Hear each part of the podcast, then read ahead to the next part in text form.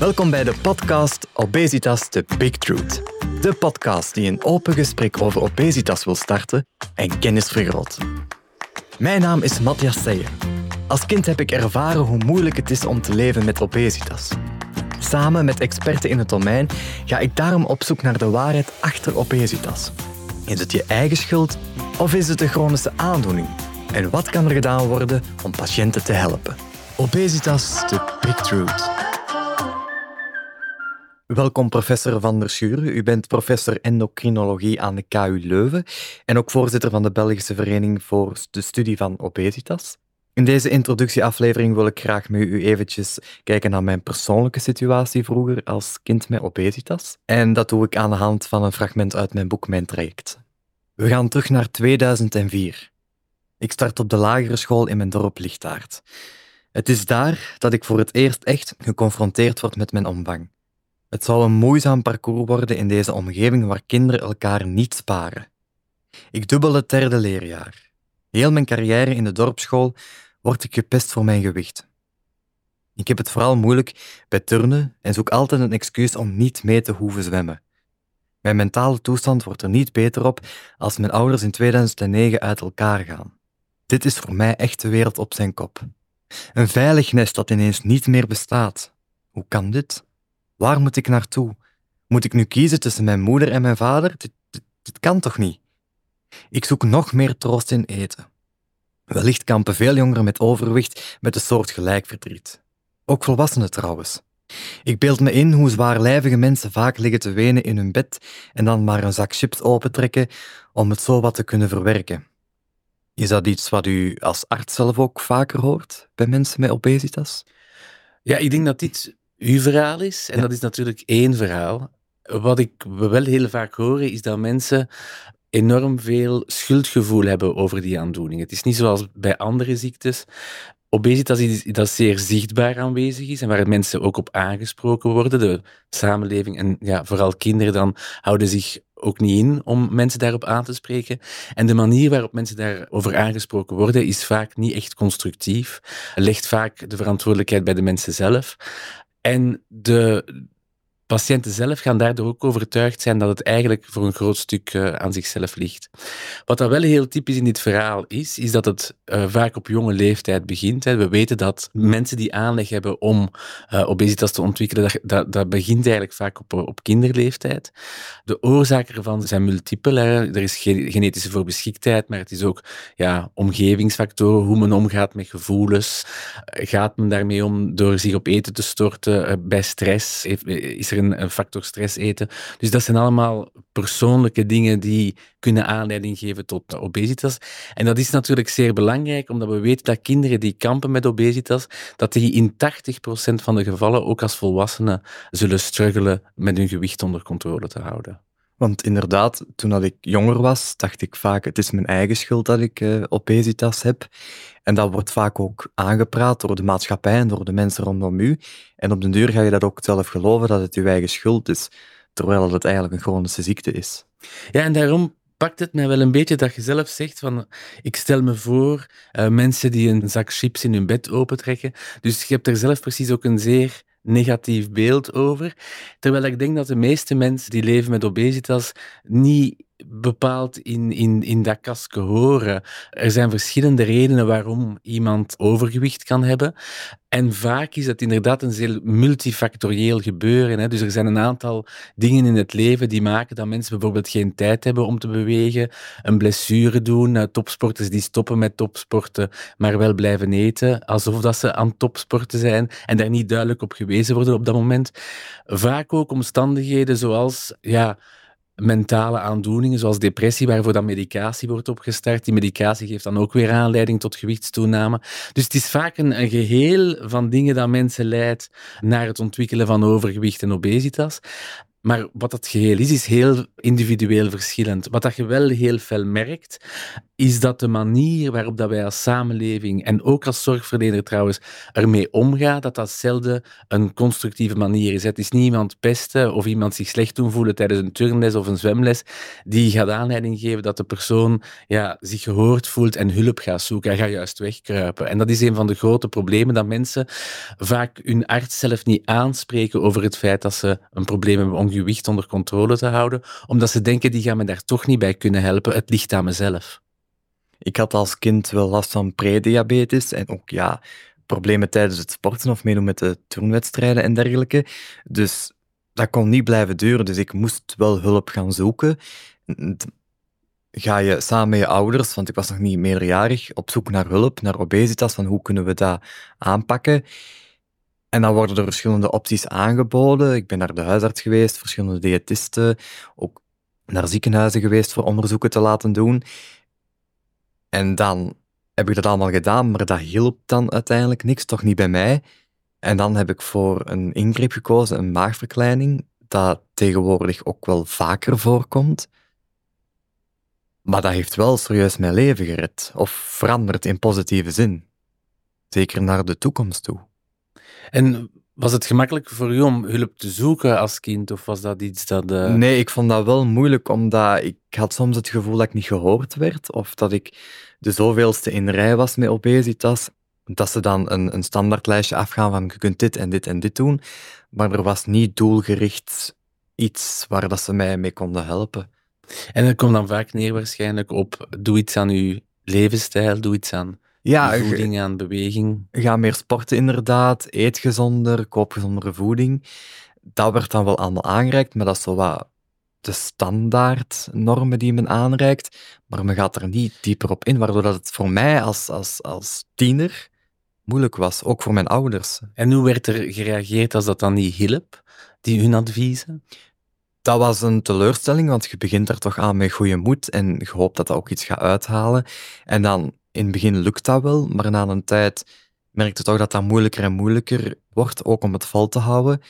En ook psychisch gaat je daar een beetje onder lijden, want je behaalt geen resultaten niet meer en je komt terug bijna aan een tijd en psychologisch was dat ook wel heel zwaar. Want je culpabiliseert nog verder eigenlijk, ja. vermoed ik. Als je merkt dat een behandeling niet aanslaat of niet blijvend aanslaat, dan wordt opnieuw eigenlijk de verantwoordelijkheid ten volle bij de patiënt gelegd. Ja, dat klopt. En dat is waarschijnlijk ja, op die manier nog minder mogelijk voor patiënten om hulp te zoeken, omdat je dan eigenlijk tegen een muur aanbotst, uh, waarbij de verantwoordelijkheid terug bij u wordt gelegd. Of zo ervaren veel van mijn patiënten dat toch. Dat ze de juiste hulpverleners hebben gevonden, dat duurt meestal een tijdje. Dat is vaak een pad met vallen en opstaan. Maar dat heel veel wondes nalaten eigenlijk. En dat vaak ook de behandeling bemoeilijkt. Heel typisch is dat mensen vaak pas handelen als ze complicaties ontwikkelen van hun overgewicht en obesitas. Dus zelf zegt je van ja, ik had, ik had wel prediabetes. Had je ook andere aandoeningen die een gevolg waren van je overgewicht? Ik had net geen suikerziekte. Maar verder geen slaapapnee? Op. Nee, dat had ik al. En wel gewrichtsproblemen? En... Ja, dat wel. Dus functioneel wel beperkt door Ja, uh, absoluut. Dat klopt. Dus ja, ik denk dat wat er veranderd is in de voorbije 20, 30 jaar, is waar dat we vroeger inderdaad zeer sterk de nadruk legden van we moeten dat met levensstijl proberen op te lossen, zijn we toch tot de constatatie gekomen dat er een heel biologisch onderliggend ingewikkeld proces plaatsvindt in het lichaam, dat eigenlijk ons gewicht reguleert, hè, zoals dat ook onze calciumspiegels in het bloed gereguleerd zijn of onze suikerspiegels. En dus dat we eigenlijk aan patiënten een beetje vroegen van tegen hun eigen lichaam in te gaan, wat dan natuurlijk niet iets is dat je kunt puur door de wil om dat te doen. En dus ik denk dat we een beetje ons de vraag moeten stellen als, als gemeenschap, als artsengemeenschap, maar ook als gemeenschap van paramedici, wat dat de juiste aanpak is geweest. Ik denk dat we weinig kennis hadden over die ziekte. We hadden weinig kennis waarom dat die ziekte juist ontstaat. Hè, waarom gaan mensen overeten en waarom leidt dat overeten bij sommige mensen tot gewichtstoename, maar bij anderen niet? Dat zijn allemaal dingen waar we eigenlijk maar zeer partieel een zicht op hadden. En het is maar in de voorbije twintig jaar eigenlijk dat we de hormonale processen, de neuro, de, ook de neurologische processen, die eigenlijk onze voedselintake en ook onze verbranding reguleren, dat we daar zicht op gekregen hebben. Want ik ben blij dat u het woord ziekte gebruikt, want in mijn tijd, zal ik het maar even noemen, werd daar niet gesproken of aanzien als een ziekte. En waardoor dat je terug dat, dat beeld hebt van het is mijn eigen schuld. Nu dat daar meer wordt aanzien als ziekte, gaf dat rust. Omdat het dan toch niet 100% volledig aan mij lag. Wel, ik denk dat over de eigen schuld, ik denk dat het, het doen alsof dat, dat een levensstijlkeuze is, dat dat een zeer nefast gevolg heeft op de interactie ook met de patiënt. Als je daarvan uitgaat als arts, kun je mensen met obesitas eigenlijk beter niet helpen, want dat is geen juiste uitgangspunt. Ik had dat eigenlijk, ja, toen ik jonge arts was, onmiddellijk door dat dat geen levensstijlkeuze was. Want de meeste mensen die overgewicht en obesitas hebben, die zijn daar zeer ongelukkig over. En die, die zien zelf ook wel in dat dat een probleem is voor hun gezondheid. En dus zelf die keuze maken, dat, dat is een beetje contra-intuïtief. Dat, dat is niet, niet het geval, dat is geen keuze. Dat is iets waarmee dat ze struggelen. En ik denk door nu het betere begrip van alle hormonale processen, van de evenwicht in het lichaam, van het metabolisme eigenlijk, dat we meer en meer inzien dat het veel moeilijker is uh, om gewicht onder controle te houden dan we aanvankelijk dachten. Maar dat we ook wel inzien dat in onze huidige samenleving, waarin dat we een welbepaald eetpatroon hebben en van beweging zeer beperkt zijn, vrij stresserend leven, ook weinig tijd hebben voor onszelf, dat we natuurlijk in zo'n samenleving het heel moeilijk maken voor mensen die een aanleg hebben om overgewicht te ontwikkelen, uh, om dat niet te ontwikkelen, om daar tegen te blijven vechten. Wanneer zit je als kind beginnen hulp te zoeken uh, met je overgewicht? Toch vanaf het moment dat ik in het lager terecht kwam, omdat die leefomgeving anders is dan bij kleuters. En je gaat je daar zelf ook bewuster van worden dat je overgewicht hebt omdat je anders bent dan de anderen. Ik was de zwaarste van de klas. Ik was degene die dat, ja, het volste was, het meeste at ook. En je ziet dat en je gaat dan bij jezelf denken van, ah, maar ik ben anders, omdat ik voller ben. En je gaat je daar ook naar voelen en dat was niet fijn. En ik uitte dat ook naar mijn gevoelens toe, tegenover mijn ouders of tegenover mijn vrienden die ik had. En toen hebben ze wel zo de klik gemaakt van, ah ja, oké, nu moeten we echt er iets mee gaan doen. Nu moeten we echt hulp gaan zoeken voor hem. Ook wel wat vanuit van het CLP.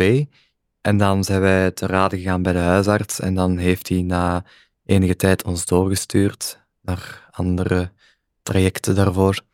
Want wat mij ook een beetje opvalt, dus je hebt dan ook je derde leerjaar, denk ik, gedubbeld. Ja, dat klopt. Dat lijkt zo van, ja, de luie, dikke van de klas, die ook nog eens ja, niet de slimste is. Dat moet heel wat doen met je eigen waarden op een bepaald moment, toch? Ja, fijn was dat niet, omdat je... Ik voelde mij een mislukkeling. Ik voelde dat ik gefaald had, zowel in mijn omvang, in mijn gezondheid, maar ook in mijn schoolcarrière. Ik moest dan het derde jaar dubbelen. Je moet blijven zitten. Je ziet je vrienden verder gaan. En dat, dat kwam extra hard binnen, omdat ik zoiets had van, ja, maar ik ben al dik en nu moet ik dan ook nog eens overdoen. En dan begon ik nog meer troost te zoeken in eten. En om, dat was mijn enige redmiddel op dat moment, troost zoeken in eten. Omdat ik mij daar zo slecht bij voelde. Dus eigenlijk die vetshaming heeft alleen de zaak verergerd, dat kunnen we... Ja. Dus het zich aangesproken voelen op een heel zichtbaar symptoom, uw, gewicht, heeft bij u eigenlijk enkel gezorgd dat het verder ontspoorde. Is er dan toch een moment gekomen dat er een kentering was, dat uh, op een bepaald moment heb je de stap naar uh, heelkunde gezet, naar een maagverkleining? Ik neem aan dat dat niet over een nacht ijs is gegaan, maar wat... En dat dat ook behoorlijk beangstigend is om, om te weten dat je zulke ingreep gaat ondergaan. Hoe heb je daarop voorbereid en wat heeft u uiteindelijk doen beslissen om daarmee door te gaan? Ik heb sowieso als kind en als tiener sowieso alles geprobeerd. Ik heb elk dieet geprobeerd dat er was. Ik heb denk ik bijna elke diëtiste in Vlaanderen gezien. Ik heb afvalshakes geprobeerd, maar dat hielp dan allemaal niks. En dan op een gegeven moment woog ik 128 kilo en ik dacht, dit kan zo niet verder gaan. Ik heb last van mijn rug, ik kan de trap amper op, ik slaap slecht, ik ben moe, ik voel mij mentaal niet oké. Dus ik moet iets ondernemen en dan gaat je kijken naar wat de andere mogelijkheden zijn, die iets ingrijpender zijn. En dat was een ingreep in mijn geval. En dan ben ik informatie gaan opzoeken op het internet of op Facebookgroepen die daar rond bestaan. En dan hoort je natuurlijk de horrorverhalen. En dan krijg je schrik van, oei, als ik dat ga laten doen, dan, dan kan ik misschien dit of dit of dit niet meer doen. Of ik kan dit of dit voor krijgen. Dus dat maakt het extra moeilijk, omdat je wat die balans moet zoeken van, ga ik het doen en wat zijn de voor- en nadelen? Maar ook de stap durven zetten te zeggen van kijk, ik ga die ingreep doen. Want je zegt ook, ik heb zelf die info moeten vinden op Facebook, internet. Dus de artsen hebben nu zelf nooit over die oplossingen gesproken? Of? Nee, daar is, dat is nooit concreet aan bod gekomen. Dus dat is iets wat vanuit mijzelf moet komen. En ik hoor dat bij andere mensen ook heel vaak, dat ze zelf dan moeten aankaarten van kijk, ja, ik ga dan toch maar voor een ingreep gaan. Maar dat is wel iets wat ik zelf heb moeten doen. Ik heb ook zelf, die... die stap moeten zetten. Ja, en dat is moeilijk. Dat is niet gemakkelijk. Omdat je dan terug zo dat stukje voelt van... Ik ben aan het falen omdat ik extra hulp moet zoeken, iets ingrijpends, om toch te kunnen afvallen, omdat het anders niet lukt. Dus uw zelfbeeld gaat daar ook wel een beetje... Ja, dat komt daarmee in gedrang en dat is ja, dat merk ik ook vaak bij patiënten, dat ze, als, als we bijvoorbeeld medicatie voorstellen, die we gelukkig nu uh, meer en meer hebben, of ook als wij chirurgie voorstellen voor de meer ernstige gevallen, dat zij vaak zeggen, ja, maar ik wil dat op eigen wil, op eigen kracht doen, en ik vind dat een, uh, een soort van, uh, ja, loser-oplossing. Dat is heel raar, want bij geen enkele andere medische ingreep krijg je zulke reacties. Verwondert die reactie u? Of had je die zelf eigenlijk ook? Nee, ik, die, dat heb ik nooit gedacht dat dat een gemakkelijkheidsoplossing is. Dat is iets wat veel mensen zeggen. En dat wordt ook wel door de maatschappij aangepraat van ja, mensen die dat, laten doen, die hebben geen karakter of dat is gewoon de gemakkelijkste oplossing. Maar zelf heb ik dat nooit niet gedacht. Maar langs de ene kant denk je van oké, ik ga extra hulp zoeken. Maar langs de andere kant dacht ik van ik heb nu al zoveel geprobeerd, waarom kan ik dat nu toch nog niet eens opnieuw proberen om te laten zien van ik kan het wel op mijn eigen. En ik heb allemaal die hulp niet nodig. Maar dan botst je tegen een muur en dan denk je van ja, eigenlijk, ik moet hulp zoeken en zo erg is dat niet om hulp te moeten gaan zoeken. Inderdaad. Je hebt heel veel mensen die dat niet publiek maken. En ze zullen daar een redenen voor hebben. Maar jij komt er wel vooruit. Is dat omdat je een punt wilt maken? Dat je juist vindt dat je daarvoor moet kunnen uitkomen? Of? Ja, absoluut. Dat is nog altijd een heel groot taboe. Ik zei het daarnet ook al. Heel veel mensen denken dat dat een gemakkelijkheidsoplossing is. Of dat dat inderdaad de gemakkelijkste weg is. Of voor mensen die dan niet geen moeite willen doen. En dat taboe wil ik doorbreken om te laten zien van kijk, je moet er hard voor werken. Het is niet iets dat ze u op een schoteltje komen aanbieden. Het is mentaal en fysiek is het zwaar. En het stopt niet naar de ingreep. Integendeel, dan begint het pas. En dan moet je het kunnen blijven volhouden en sterk in je schoenen kunnen staan. En dat is met vallen en opstaan. En ik heb het nu mentaal ook nog wel moeilijk, want als ik soms in de spiegel kijk, denk ik van, oh, ik ben toch wat terug dikker geworden, dus ik moet terugschakelen. Of ik ga bijvoorbeeld iedere ochtend ook op de weegschaal staan en als ik zie dat er bijvoorbeeld een paar gram bij is, ja, dan ga ik er terug alles aan doen om dat er terug af te krijgen. Dus je bent daar wel mee bezig. Dus het is een heel traject en dat taboe wil ik wel doorbreken en ook een stem zijn voor heel veel lotgenoten en een steun vooral. Maar dus de ingreep helpt u duidelijk, maar het is niet zaligmakend. Het lost het niet vanzelf allemaal op. En blijft nog altijd dat gevecht tegen het, de kilo's, om het zo te zeggen, die toch... Die aanleg is er nog altijd, als ik het goed begrijp. Ja, absoluut. Ik ben iedere dag met mijn gewicht bezig. Ik sta s ochtends op, ik kijk in de spiegel, ik ga op de weegschaal staan en ik zie, ah ja, oké, het is goed. En dat geeft een soort mentale rust. Voor mij persoonlijk dan. Maar je zit er wel elke dag mee bezig van s ochtends tot s avonds, van wat ga ik eten, wat ga ik drinken. Zo heb ik ook gezworen vier jaar geleden dat ik geen frisdrank meer zou drinken. Ook uit schrik om terug bij te komen. Dus je bent daar wel heel hard mee bezig. En dat is soms heel vermoeiend, mentaal dan. Ja, want dat horen wij ook wel vaak van mensen, dat dat echt het leven beheerst. Hè? Die, ook de angst eigenlijk om terug terecht te komen in obesitas, dat is vaak iets ja, alles overheersend dat mensen echt het uh, leven moeilijk maakt. Daarom is het wel goed dat we betere wetenschappelijke inzichten hebben, betere instrumenten om mensen te helpen, geneesmiddelen, chirurgie die ook veiliger is, waar we meer weten hoe we die moeten begeleiden. Dus ik denk wel dat een jongere die nu terechtkomt in het gezondheidszorgsysteem beter opgevangen wordt. Althans, dat mag ik hopen. Maar er is wel nog heel wat werk aan de winkel. En ik denk dat het heel mooi is dat jij je verhaal doet. Ook uitkomt voor het feit dat het allemaal niet zo simpel is om ja, anderen het iets makkelijker te maken dan op Facebook een behandeling te gaan moeten zoeken. Nee, dat klopt.